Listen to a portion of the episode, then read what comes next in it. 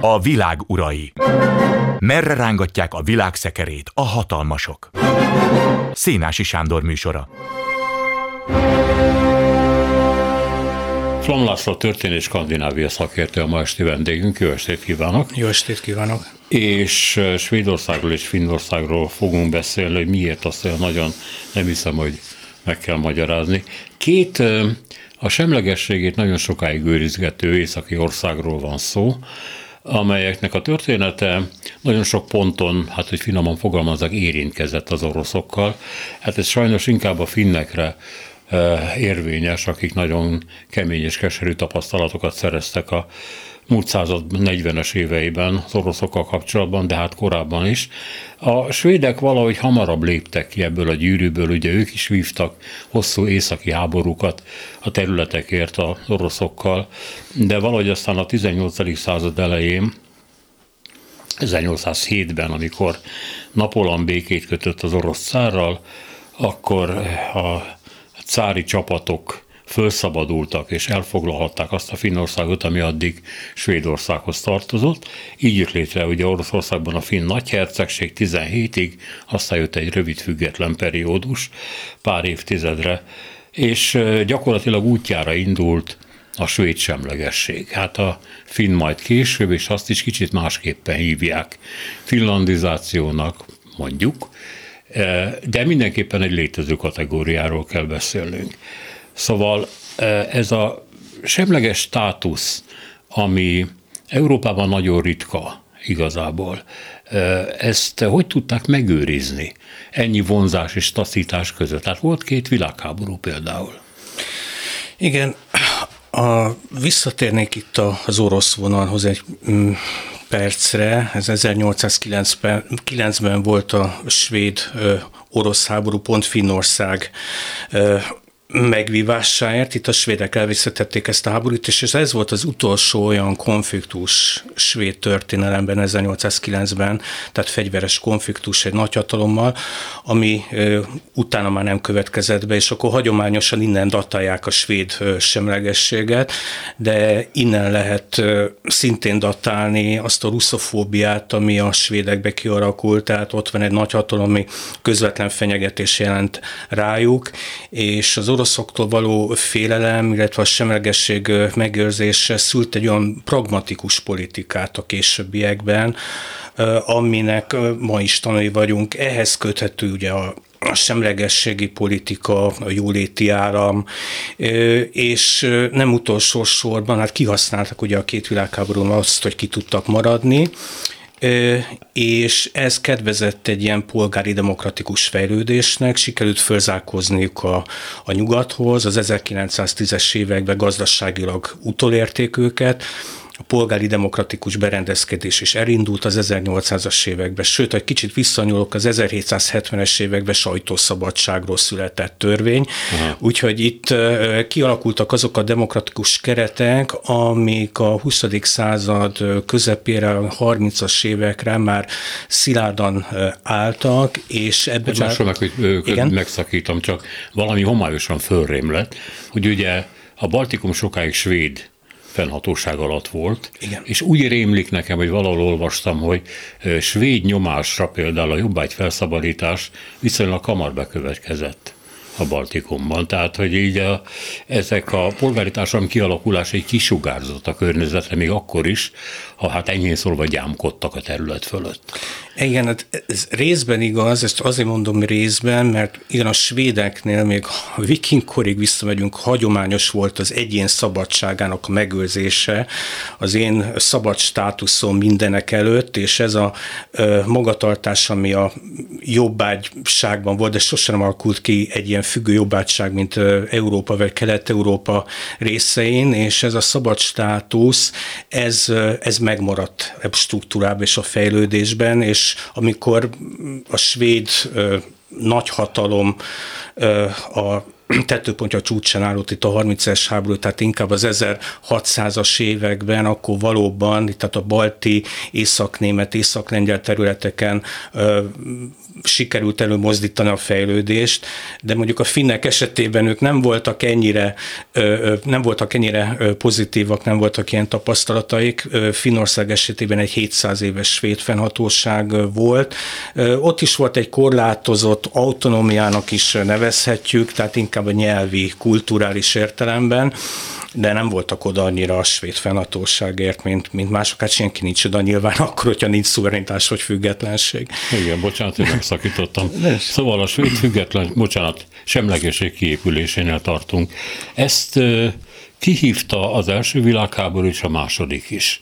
Na most itt hát lehet mindenféle kritikával élni persze, mert hát legalábbis a második világháborúban a svédek hát egyként kereskedtek az angolokkal és a németekkel, sőt, ugye bizonyos vasútvonalakat föl is szabadítottak a németeknek, hogy a szállításai gördülékenyebbek legyenek. Igen, hát a biztonságnak ára van, és ezért föl kell adni bizonyos elveket. Egyébként ezt a mondatot nemrég egy svéd járókelő mondta a svéd tévében, amikor itt a svéd NATO csatlakozás kapcsán végre megkapták a zöld utat a magyar kormánytól. Én ugyanezt tudom erre mondani, a biztonságot mm, itt a semlegességi politikára gondolok, ami garantálta a biztonságot, ezt fönn kellett tartani, és ezért kellett kompromisszumokat hozni a németek felé. Igen, voltak ilyen megalapodások, több is részint azért, hogy a németek által megszállt Norvégiát a norvég partizánokat hátból lehessen támadni, tehát itt Göteborg kikötővároson keresztül is gördültek különböző szerelvények ebben az ügyben, ebből a célból, illetve később a Szovjetunió elleni háború kapcsán itt észak-svéd területeken az Engelbrecht hadosztályt próbálták Finnországba átküldeni svédeken keresztül.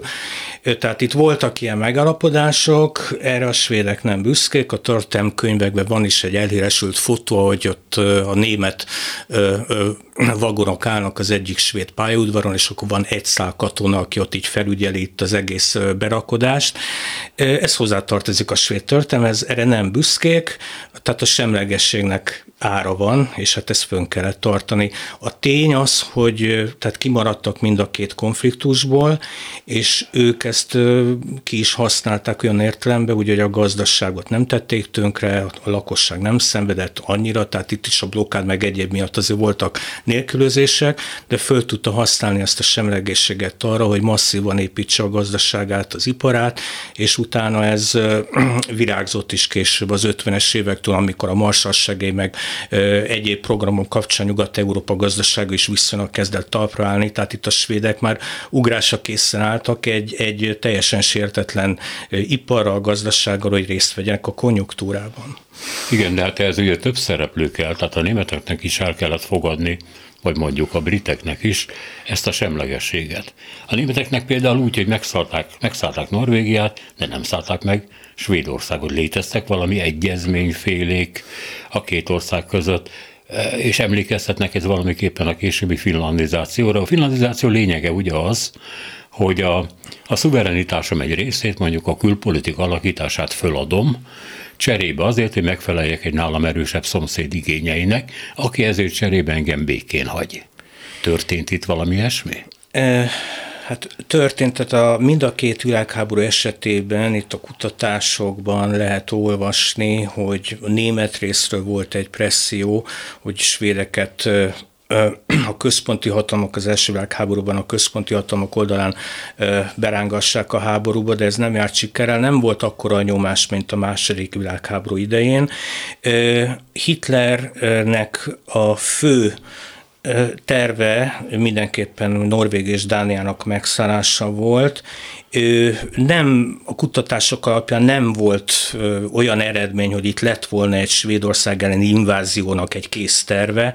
Hitler ezen ezt nem mm, helyezte így a prioritások közé, Ellenben azt várta el a svédektől, hogy legyen egy támogató magatartás, tehát, hogy említettem a logisztikát, a vasutat állítsák a német ö, műveleteknek a szolgálatába, és hát ez részint korlátozottan meg is történt, tehát Hitler ennyit várt el. A másik viszont az, hogy az a Svédországnak is a kiterjedés, azért megnézzük egy észak felé egy óriási kiterjedésű ország, és ö, ezt megszállni, ö, lerohanni, akkor itt kiépíteni az infrastruktúrát, biztosítani a német fennhatóságot, ez is óriási ember és eszköz forrásokat emésztett volna föl Hitler részéről. Tehát itt annak idején a háború előtt, tehát a második világháború előtt itt Dánia és Norvégia volt a fő csapásirány, Svédország nem, ez a forgatókönyv készült mellé, hogy a svédeket rá kell bírni,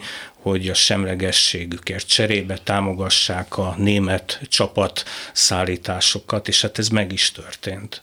De ugye ennek a semlegesnek két karja volt, hogy szabad így ezzel élnem már a 19. század végétől. Egyrészt a megegyezés a németekkel, másrészt az oroszokkal, ez a kölcsönös békénhagyás érdekében, és ezt valamiképpen átmentették, átvitték. Ugye? A első világháború utáni új helyzetre. Hát az új helyzet az, hogy az oroszok vereséget szenvednek keményen az első világháborúban, és hát utána a fölfordulásban egy pucs segítségével a bolsevikok hatalomra jutnak, és a 20-as évek elején létrejön a Szovjetunió. A Szovjetunióval kapcsolatban a, a svédeknek mi volt a politikájuk? Velük újra meg kellett állapodni, ugyanis. Mm, igen, itt egy, egy konstruktív politika folytatódott, ami már kialakult korábban. Itt egy belpolitikai tényezőre szeretném felhívni a figyelmet. Az 1910-es évekre eléggé megerősödött a svéd szociáldemokrata párt, tehát ez volt az a párt, ami követve a 19. 19. század végi tendenciát az első politikai pártá szerveződött az országban, és ez a párt, ez mérséglődött, tehát ők nem egy forradalmi úton való proletár hatalom állam kiépítését határozták el, hanem reformokat szerettek volna bevezetni, hogy ez később meg is történt a 30-as évektől. Evolúció és nem revolúció. Pontosan, és itt volt egyfajta elhatárolódás a hivatalos Lenin ideológiától, és hát ez a elhatárolódás aztán teljesen konkrét politikai programban is kicsúcsosodott, tehát itt nem volt egy nagyon szoros ideológiai szövetség a svéd szociáldemokraták és a, a bolsevik párt között, és ez innentől a történet majd, hogy nem véget is ért, mert a kormányrudat egészen 1932-ig a liberálisok és a konzervatívok tartották a kezükben a svéd parlamentben, sokszor koalícióban, tehát itt a, hogy mondjam, egy baloldali ideológia vagy nyitás nem is kapott lehetőséget, tehát itt alapvetően diplomáciai, gazdasági kapcsolatokról beszélhetünk. Tehát itt nem volt a, a későbbi fin, finlandizációhoz hasonló tendencia, tehát itt az orosz, a Szovjetunió belüli fejlődést is figyelembe véve az északi országokkal kapcsolatban nem voltak surlódások. Ez az 1930-as évek vége fele, tehát a háború előtti egy-két évben jelent meg úgy, de ez inkább biztonságpolitikában, hogy az északi országok kössenek egy védelmi uniót, egy védelmi szövetséget egymással, és akkor ez kútba esett, ez még a finn-orosz háború előtt történt, ez egyébként svéd kezdeményezés volt, tehát inkább itt is a biztonságpolitikát nézték, nézték szem előtt, ez volt a prioritás, és hát ez nyomta rá a bélyeget a külpolitikájukra, és az angol száz hatalmakról kell azért szólni egy kicsit, mert említettük itt a két világháborút, és Svédország hagyományosan egy angol száz orientált ország volt részint a kereskedelem miatt is, főleg Anglia közelsége miatt, tehát rengeteg svéd iparág függött itt Nagy-Britanniától, és itt a kereskedelem, a hajózás kapcsán, tehát ez a észak európai kereskedelmi tér azért elég fontos volt a svédek számára, és a angol száz orientációnak a fenntartása, és e között meg Németország között lavíroztak például a második világháborúban. Hát Németország kapcsán kényszerből a angol száz orientáció meg hagyomány volt a napoleoni háborúk után. Azt tudjuk, hogy amikor 1939-ben a Szovjetunió megtámadja Finnországot. Ugye területi cserékről van szó, de hát a finnek számára meglehetősen elfogadhatatlan módon, akkor a svédek egy csomó hadianyag szállításával segítették a finneket, tehát ez a fajta, amit korábban fölajánlottak, azt nyilván akkor már nem szerették volna, mert akkor hadsereget is kell küldeni, az oroszok ellen Finnországba, de annyiban működött ez a terv, hogy az északi szolidaritás egy létező valami volt. És hát ezt annak ellenére tették meg, hogy hát, hogy mondjam, csak kicsit rizikósá tették a helyzetüket Moszkva szemében. Nem megtették, kétségkívül. Igen, ez az északi szolidaritás, ez mindig is jellemző volt rájuk, inkább amikor véget tértek ezek a nagyhatalmi korszakok, például a svédek, a dánok történetében, akkor valóban ez a konstruktív, pragmatista szemlélet jött, jött elő, hogy mi itt a nagy politikai porondon kicsik vagyunk, próbáljuk meg máshogy az érdekeinket érvényesíteni, érvényesíteni fogjunk össze, és ez a szolidaritás nyilvánult meg itt a, az említett finorosz téli háborúban is, 1939 november végétől 1940 márciusáig. A svédek 8000 önkéntes katonát küldtek a finneknek, több mint 80 ezer lőszert, 200 tankot, és legalább több több tucatnyi repülőt bocsájtottak a finnek rendelkezésére, tehát azt hiszem ez eléggé gyakorlatias, és mutatja, hogy miben nyilvánult meg a szolidaritás, de hát más országok is segítettek, a finn ügynek például az akkori Magyarország egy 300 fős önkéntes osztag indult útnak a finneknek, hogy segítsenek, csak mire oda, odaértek 1940 márciusában, addigra vége lett a háborúnak, de hát a finnek azért ezt méltányolták. E, még Svédországhoz visszatérve, illetve a svéd-szovjet viszonyhoz, a svéd haderő legendásan erős, és legendásan, hogy mondjam, csak saját fejlesztésű. Tehát nagyon, nagyon sok pénzt áldoztak arra, hogy a svéd fegyveripar, repülőgépgyártóipar, a tankgyártás az maradjon a határa között, ami nem jelenti azt persze, hogy nem vettek németektől vagy az amerikaiaktól hadi eszközöket. De ezek nagyon, ugye a Grippen a egyik mintapéldány ennek a dolognak. Tehát nagyon és hát ott vannak még az atomtenger altjárók, amik külön szerepet játszottak a szovjet korszakban, amikor ugye a svédek folyamatosan hónapról hónapra fedeztek föl ilyen kém atom meghajtású szovjet hajókat. És hát a viszony feszült volt, ezt nem lehet tagadni abban a, korszakban.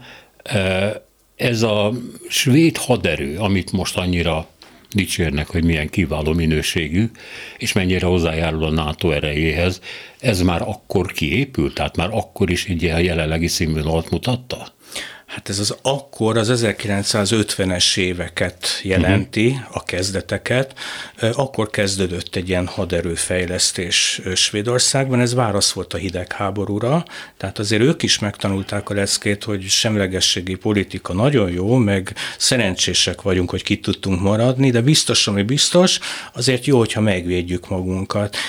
Viszont itt nem csak önvédelemre kell gondolni, tehát ők nem csak olyan fegyvereket fejlesztettek, fejlesztettek ki, amelyek arra volt, lettek volna alkalmasak, hogy a balti térséget megvédjük, tehát ilyen kis hatótávolságú bármiféle technológiára, hanem ők kiépítettek egy nagyon jelentős nemzetközileg is versenyképes eszközparkot.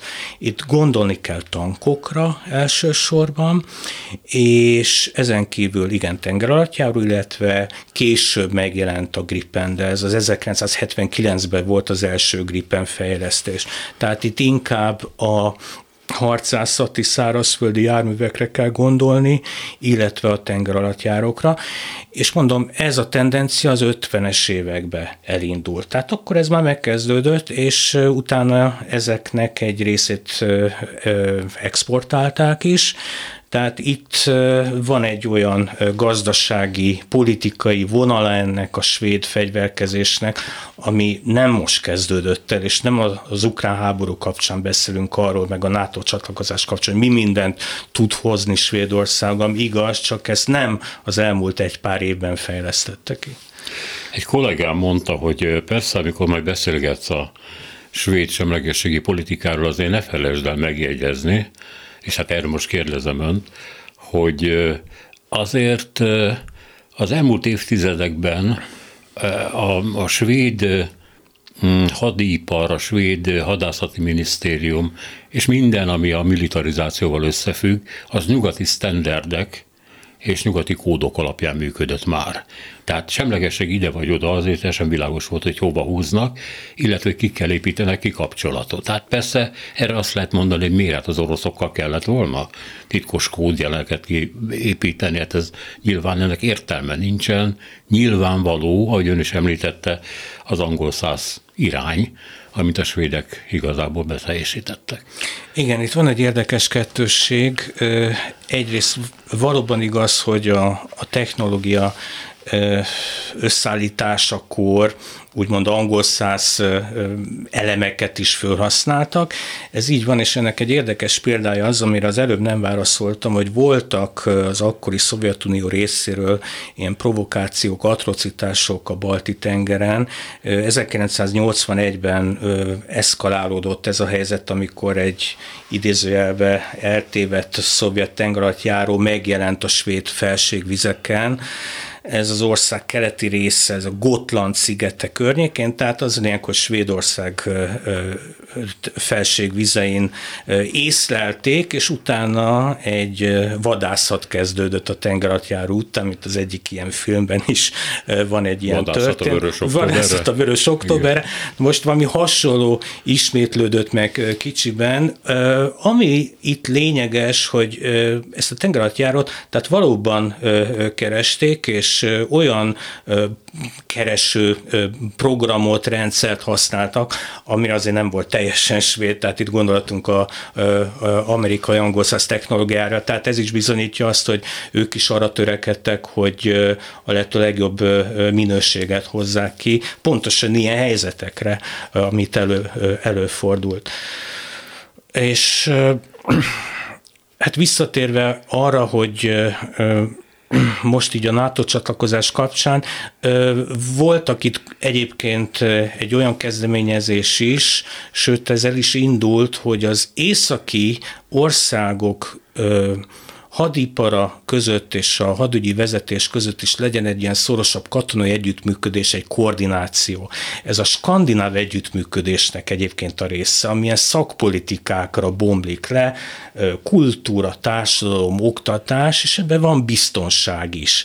És ez a biztonsági együttműködés egy ilyen koordinált együttműködés jelentett itt a vezérkari főnökségek között, és az azért érdekes, mert benne voltak a dánok, mint NATO tagok, a norvégok, mint NATO tagok, izlandiak, mint NATO tagok, és Svédország. Minden NATO tag.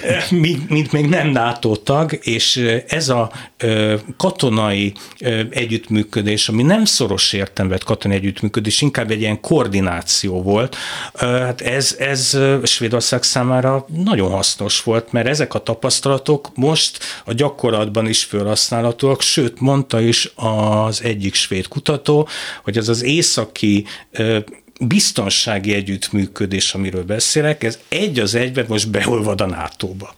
Igen, Úgyhogy, tehát ez a, innen... gyakorlatilag ez a semlegességi politika, ez a kinn is vagyok, benne is vagyok Igen. helyzete volt már. Igen. Itt szakítsuk meg a svéd történetet, és akkor fogjunk bele a finnbe. Azt már elmondtuk ugye, hogy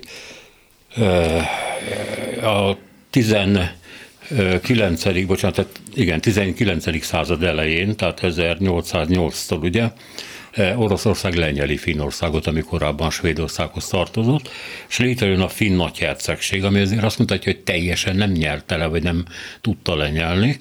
Ez 17 végéig orosz fennhatóság alatt maradt, és utána jött egy pár évtizednyi szabad korszak, 39-ig, amikor megszületik a Molotov-Ribbentrop paktum, és ennek részeként akkor a Baltikumot, meg hát ennek csatott részeit Németország nagylelkűen fölajánlja a Szovjetuniónak, és a Szovjetunió amellett, hogy valóban lerohanja ezt a három kis balti államot, úgymond együttműködési, meg nem támadási, mit tudom én, milyen szerződéseket kötve velük, mindegy, mit, hogy hogy hívják, mert teljesen világos volt, hogy ez egy gyarmatosító politika. Közben a finneknek területcseréket ajánlanak föl. De olyanokat, amiket nem, tehát lehetett gondolni, hogy nem fogadnak el. Stalin háborúra készült Finnország ellen? Vagy azt gondolta, hogy úgyis egy olyan gyenge országról van szó, melyik hát hogy mondjam, igába fogja hajtani a fejét. Hát én ez utóbbira gondolok. Stalin alábecsülte a finneket, ahogy most elhangzott egy kis ország, nem fog nagyon ellenállni a szovjet követeléseknek. Hát a követelések között azért az szerepelt, hogy tehát az akkori Leningrádnak a biztonsági zónáját ki kell tolni a Finnőből felé, nyugat felé, és hát ez valóban a finn területeket, területeket érintett. Viszont Finnország elutasította, egyébként erről elég sok vita is volt a finn kormányon belül, de a végén elutasította elutasították, és ezért tört ki ez a téli háború 39 november legvégén, és az, hogy a háború elhúzódott, és nem született rögtön szovjet győzelem, hát ennek azért sok oka volt. Az egyik azért az, hogy a sztálini politikában volt ugye ez a tisztogatás, az 1930-as évek második felében, tehát a politikai vezetőséget szinte lefejezték, és ugye nagyon sok tehetséges szovjet orosz tábornok esetenek áldozatul, tehát a katonai vezetés nem volt a topon mondjuk így, és a másik a időjárás is, egy eléggé kemény tél volt, ami a finneknek kedvezett, hiszen ők ehhez már hozzászoktak idézőjelbe, és egy harmadik tényezőre hagy hívjam fel a figyelmet, egyébként ez a finnek számára máig a nemzeti büszkeségnek a része, hogy valamennyi finn család érintett volt ebbe a háborúba, tehát az összes mozgósítható finn férfi az ment és harcolt. És ez a finnek számára rendkívül fontos a mai nap is.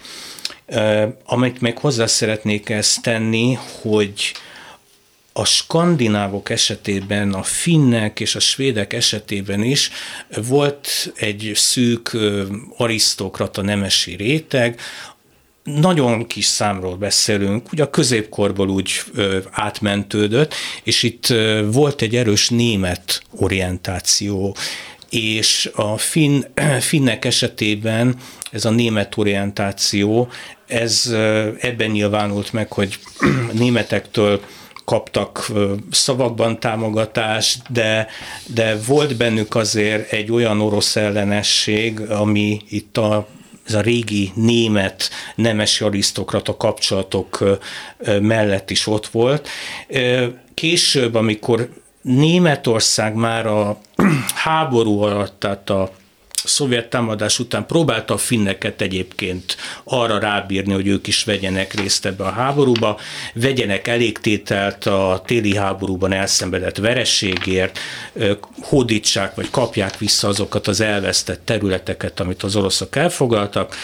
Volt a finn részre egy ilyen kisebb csapatmozgás, de én ezt nem nevezném egy nagy offenzívának. A lényeg az, hogy itt volt egy kis német segítség, meg rábeszélés, ami nyitott fülekre, vagy nyitott ajtókra talált pontosan itt a német orientáció miatt, de, de aztán ebből nem lett később semmi, sőt 44-ben különbéket kötöttek a finnek a Szovjetunióval, és akkor innen kezdődik majd ez a finlandizáció, hogy ez mit is jelent. Említett a német vonalat, ennek része, hogy tulajdonképpen a finn csapatok vezetője egy Carl Gustav Emil von Mannerheim marsal volt? Hát ez annyira német név. Igen, e, ez a nemesi vonal, ez itt megint két e, e, vonatkozása van. Igen, egyrészt így a német orientáció itt is megjelenik, másik Mannerheim félig svéd származású volt, tehát itt bonyolítja a képletet, hogy most mennyire volt úgymond igaz finn, mint az egyik mostani szélsőséges filmpárt hívja magát. Igen, tehát ez ebben is megnyilvánult.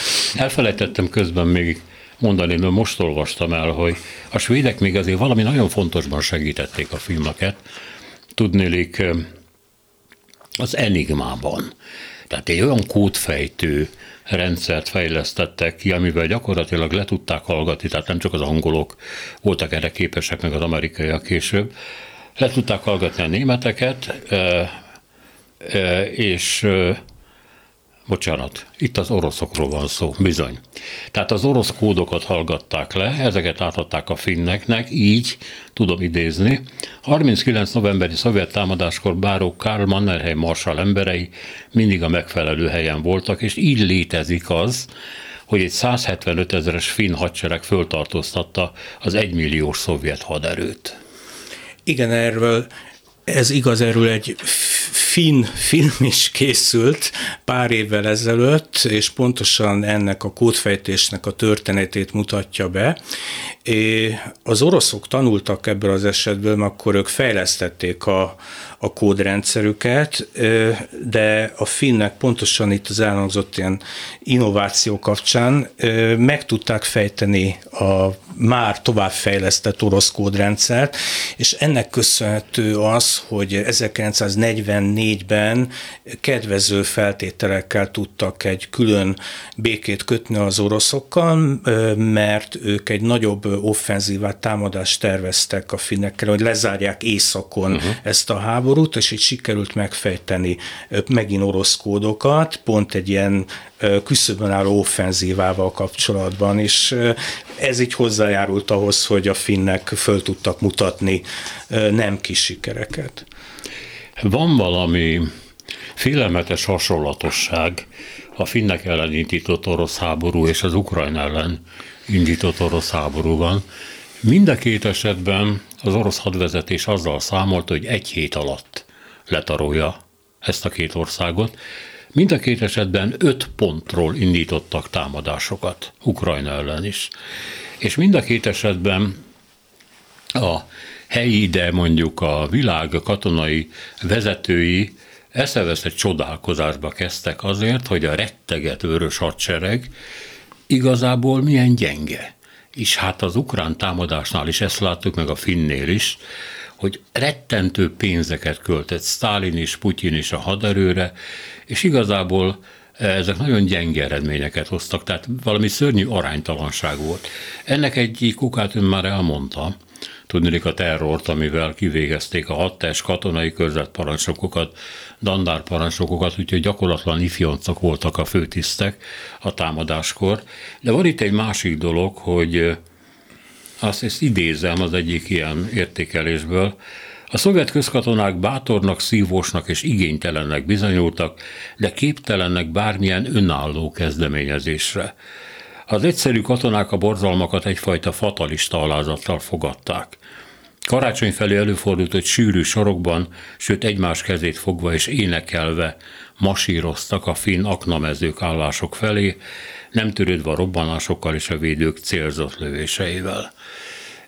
És hát itt ugyanaz merült föl az ukrán támadásnál, hogy olyan merev a koordináció a csapatrészek között, ami semmiféle kreatív önálló döntés nem tesz lehetővé a különféle szinteken.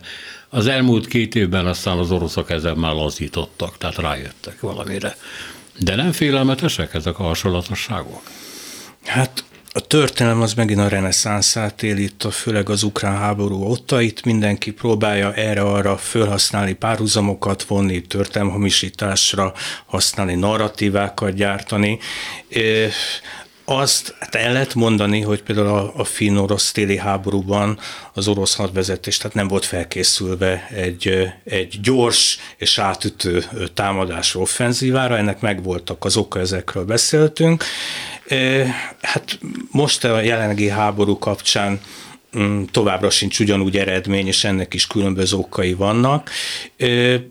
Én, én nem hasonlítanám össze a két ö, példát, teljesen más ö, állapotok, körülmények között zajlott le a finorosz háború. Az közös elem, hogy orosz részről nem született azonnal és úgymond lehengerlő siker, és hát ennek valóban megvannak az okai az, hogy ukránok meglepetésszerűen ellenálltak ebbe, ez ugyanúgy benne van, ahogy Stalin is gondolta, hogy a finnek majd gyorsan megrettennek, és akkor gyorsan véget ér még az el nem kezdődött háború. Tehát ott is megismétlődött lesz, ez megismétlődött ez, hogy ellenálltak rögtön a támadásnak, és a finorosz háborúban ugye hát lefejezték előtte az orosz hadvezetést, itt viszont erről azért nem volt szó, tehát itt eléggé, én azt kell, hogy mondjam, tehát nyilván professzionális tábornokok vezették itt a hadsereget, de hozzá kell tenni, hogy két különböző esetről van szó.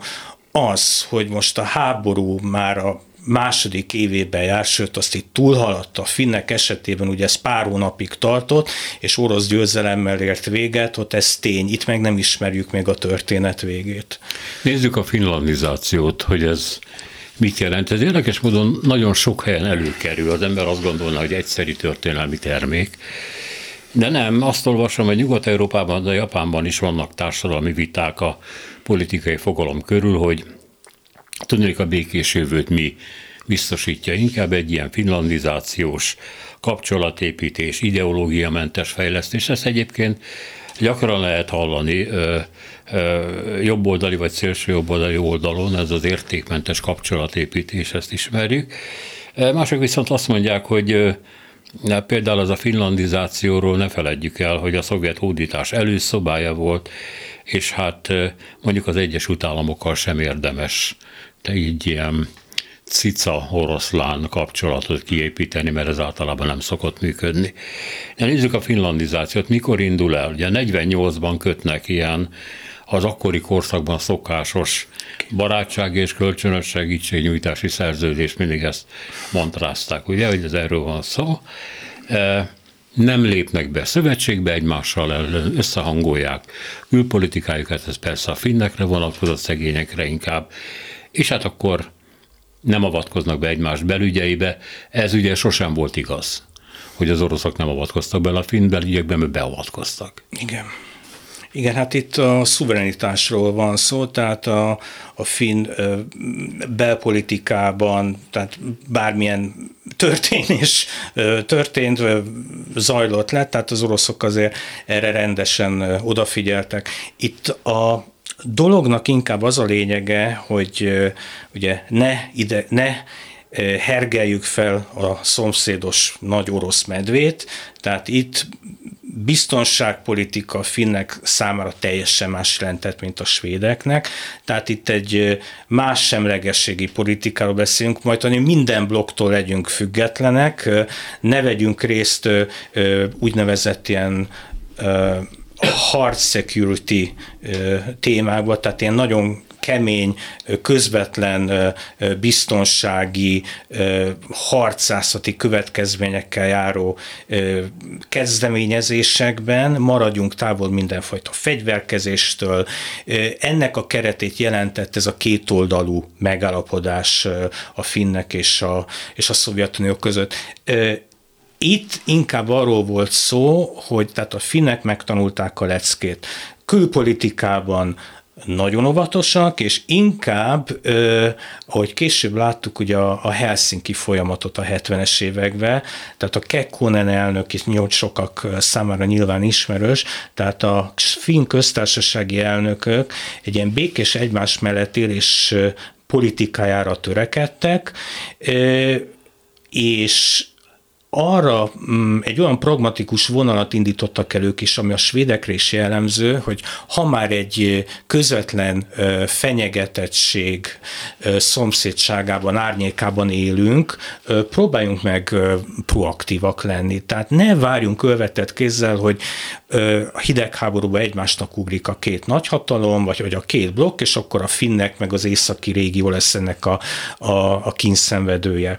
És ezért a finnek részéről ez a pragmatizmus előjött ebbe a béke folyamatba, hogy próbáljuk meg így előmozdítani, mint semleges finnek, akiről mindenki tényleg elmondhatja, hogy nem húznak mondjuk a, a NATO-hoz, hát az oroszok közvetlen szomszédjuk, de hát így alakult a, a történelem, és egy, egy nagyon megbízható megbízható és professzionális ilyen béke építő projektet indítottak el, tehát szolgalmazták itt a, az enyhülést, a, a lefegyverkezést és, és hasonló fontos témákat, és akkor ez vezetett a Helsinki folyamatot. Ez az egyik része a finalizációnak, a másik az gazdasági vonatkozású.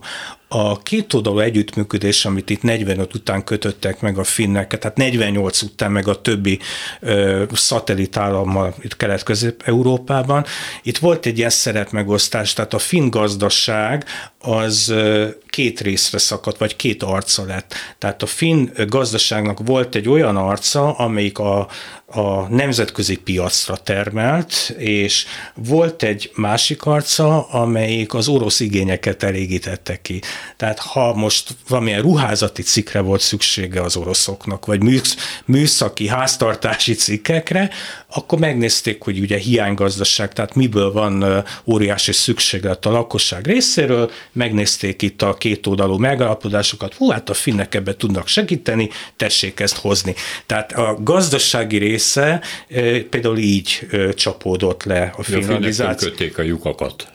Finnek tömködték a lyukakat a Szovjetunióba, cserébe pedig megmaradt ez a békés egymás mellett élés, és nem bátjuk egymást, de a, a nemzetközi igen. piacra termelés, tehát a finn gazdaságnak ez a része, az még rendkívül erős és masszív volt, csak mondom, volt ez a kettősség, ami eléggé ellentmondásos, és egy kicsit furcsa lehet számunkra, hát, volt, talán annyira nem a történelemben. Volt, volt egy ironikus része ennek a dolognak, mert a Pravda nevű orosz sajtóterméket kell mondani, hogy mi ez. Finn papírra nyomták, mert a oroszoknak nem volt olyan finom nagyon fontos volt, hogy a Pravda egy ilyen finom, törékeny, szinte már sejem papíron jelenjen meg, és hát a finnek azt mondták, hogy oké, okay, tudjuk szállítani, és szállították.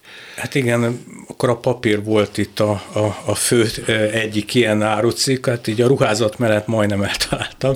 Szóval ez is jellemző, de hát azért ez egy, egy ilyen parancsuralmi rendszernek volt a része, tehát tessék ezt nekünk behozni, és akkor a finn gazdaságban ott beindították azt a gombot, hogy igen, most megérkeztek a szovjet igények, és akkor a gazdaságnak ez a kisebb szegmense az most ráállt erre a termelési vonalra, de a nagy része az ugyanúgy a nemzetközi piacra termelt.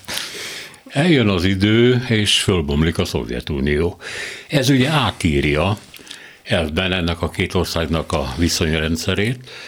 E, többek között már nem kell félni annyira az orosz medvétől, de azért kell természetesen, hiszen Oroszország ma is a világ legnagyobb területi országa, és e, ha megnézzük az atomarzenáját, a fegyverkészleteit, a hadrendben álló seregeit ma is, akkor azt kell mondanunk, hogy hát van mitől tartani.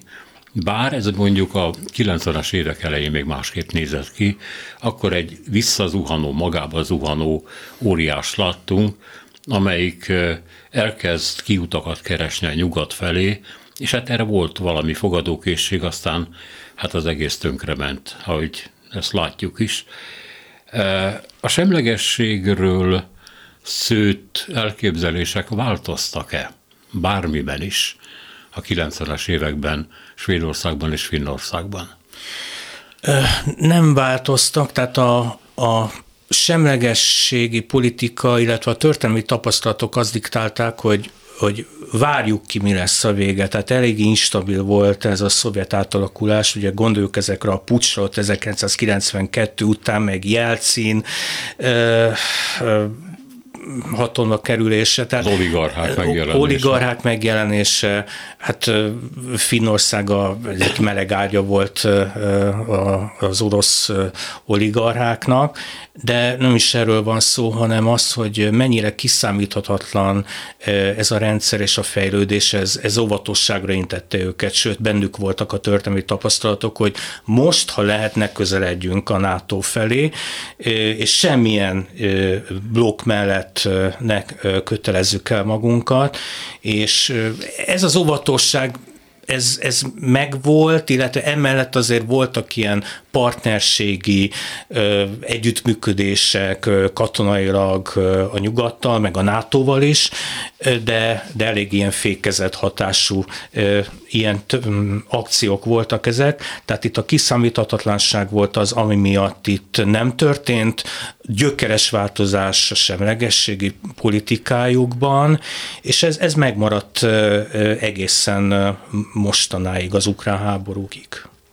Egy dologra még nem ejtettünk szót, a, a finn haderő nagyságáról és ütőképességéről mérhető a svédhez? Hát ö, ö, mérhető, ö, de itt, itt a svéd eset az, amelyik jobban dominál.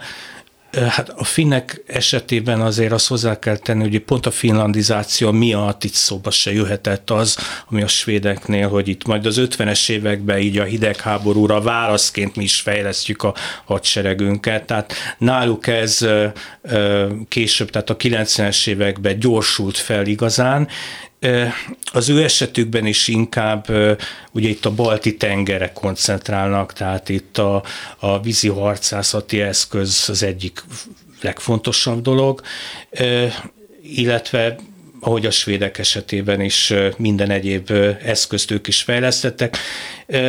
Én azt kell, hogy mondjam, tehát finnek esetében ez nem annyira domináns, viszont az, hogy legmagasabb műszaki szinten voltak ezek a fejlesztések a 90-es évektől, ez, ez vitathatatlan, és az, hogy itt a nato hozzá tudnak járulni ezekkel a képességekkel, meg a technológiával, ez is igaz, de tegyük hozzá, hogy ennek egy része az amerikai technológia volt már eleve.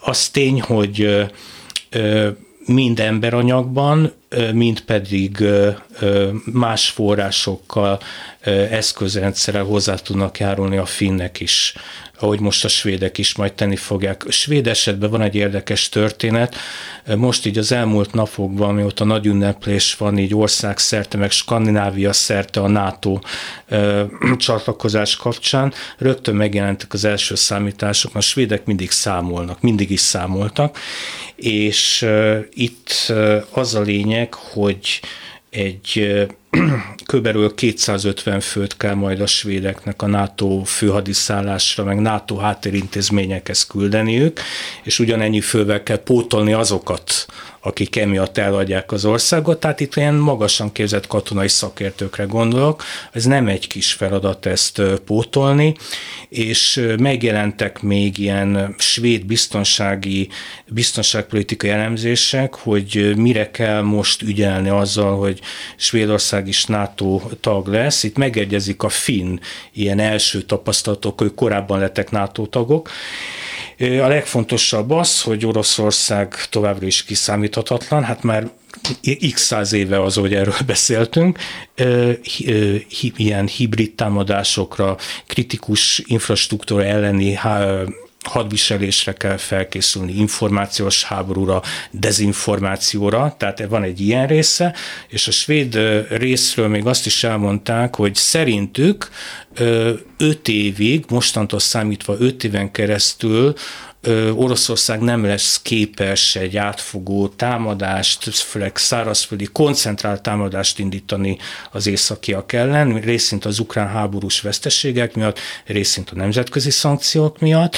Ők egy tíz évet adnak arra, hogy az oroszok úgymond összeszedik magukat, és megint képesek lesznek egy ilyen feltételezett támadásra. Tehát ez egy koncentrált támadás, hogy addig az, az a tíz év alatt mi fog történni, erre is születtek ilyen forgatókönyvek, lesznek ilyen provokációk, hogy majd a balti tengeren próbálnak valamit, Kaliningrád enklávé környékén az oroszok ö, csinálni, csak ezzel most azért kell vigyázni, mert az egész balti tenger az egy NATO beltenger lesz a svéd csatlakozással.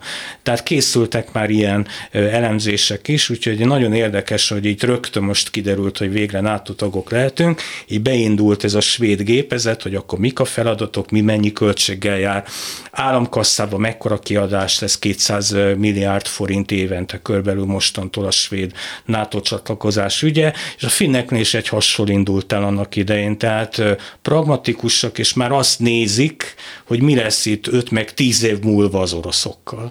Úgyhogy ez így egy érdekes ilyen északi ö, ö, történés most, ami zajlik. De hát meg is fordult a dolog, mert ugye évtizedeken keresztül arra voltak büszkék, hogy ők semlegesek, és most, ha jól értem, akkor a NATO csatlakozást meg megünnepelték. Hát ők azt ünnepelték meg már, mint a svédek, hogy végre szabad az út a NATO csatlakozásig. Ők azért nem szerették annyira a nato az elmúlt években, sőt, svéd részbe, részről volt egy ilyen Amerika ellenesség, imperializmus ellenesség a 60-as, 70-es években, és ezt a NATO-val azonosították. Tehát ők nem szerették a NATO-t. És az a orosz-ukrán háború kapcsán ez a 210 éves semlegesség az pár hónap alatt megváltozott 2022 áprilisában mértek a svédeknél közvénykutatásban azt, hogy mennyire szeretnének NATO tagok lenni, és már akkor 62-3 százalék fölé ugrott a támogatás aránya. Tehát x hónap alatt megváltozott ez a 200 éves semlegességi hozzáállás, emiatt a háború miatt, és nem azért, mert mi nagyon szeretjük a nato egyszerűen rájöttek arra, hogy ez az egyetlen garancia a védelmükre. Úgyhogy, és most itt tartunk, a, ami miatt itt pesgőbontás és ünneplés van, hát az igen az, hogy végre ez a csatlakozás most elkezdődhet, de hát itt rengeteg feladat lesz még, azt, hogy az átlag embereket is megkérdezte a svéd média az utcán, mindenki azt mondta, hogy végre megvan ez a döntés, tagok lehetünk, de az, hogy most itt szuperlatívuszokban nyilatkozunk a nato azért azt nem lehet olyan markánsan észrevenni. Pragmatikusak, realisták, tudják, hogy ez ezzel jár. És hát nagyon keményen bekapcsolt a félelemfaktor. Igen, igen.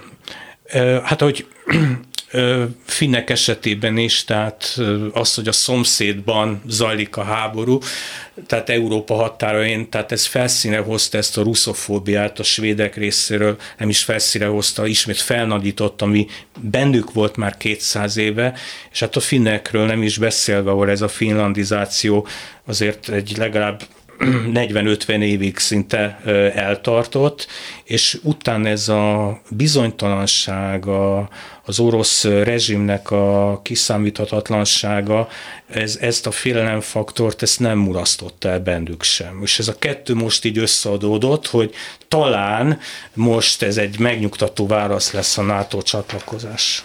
Köszönöm szépen, hogy itt volt nálunk. Köszönöm. Flam László történés Skandinávia szakértő volt itt egy órán keresztül.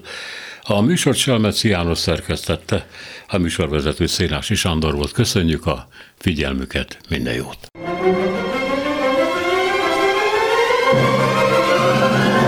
A Világ Urai című műsorunkat és Szénási Sándor műsorvezetőt hallották.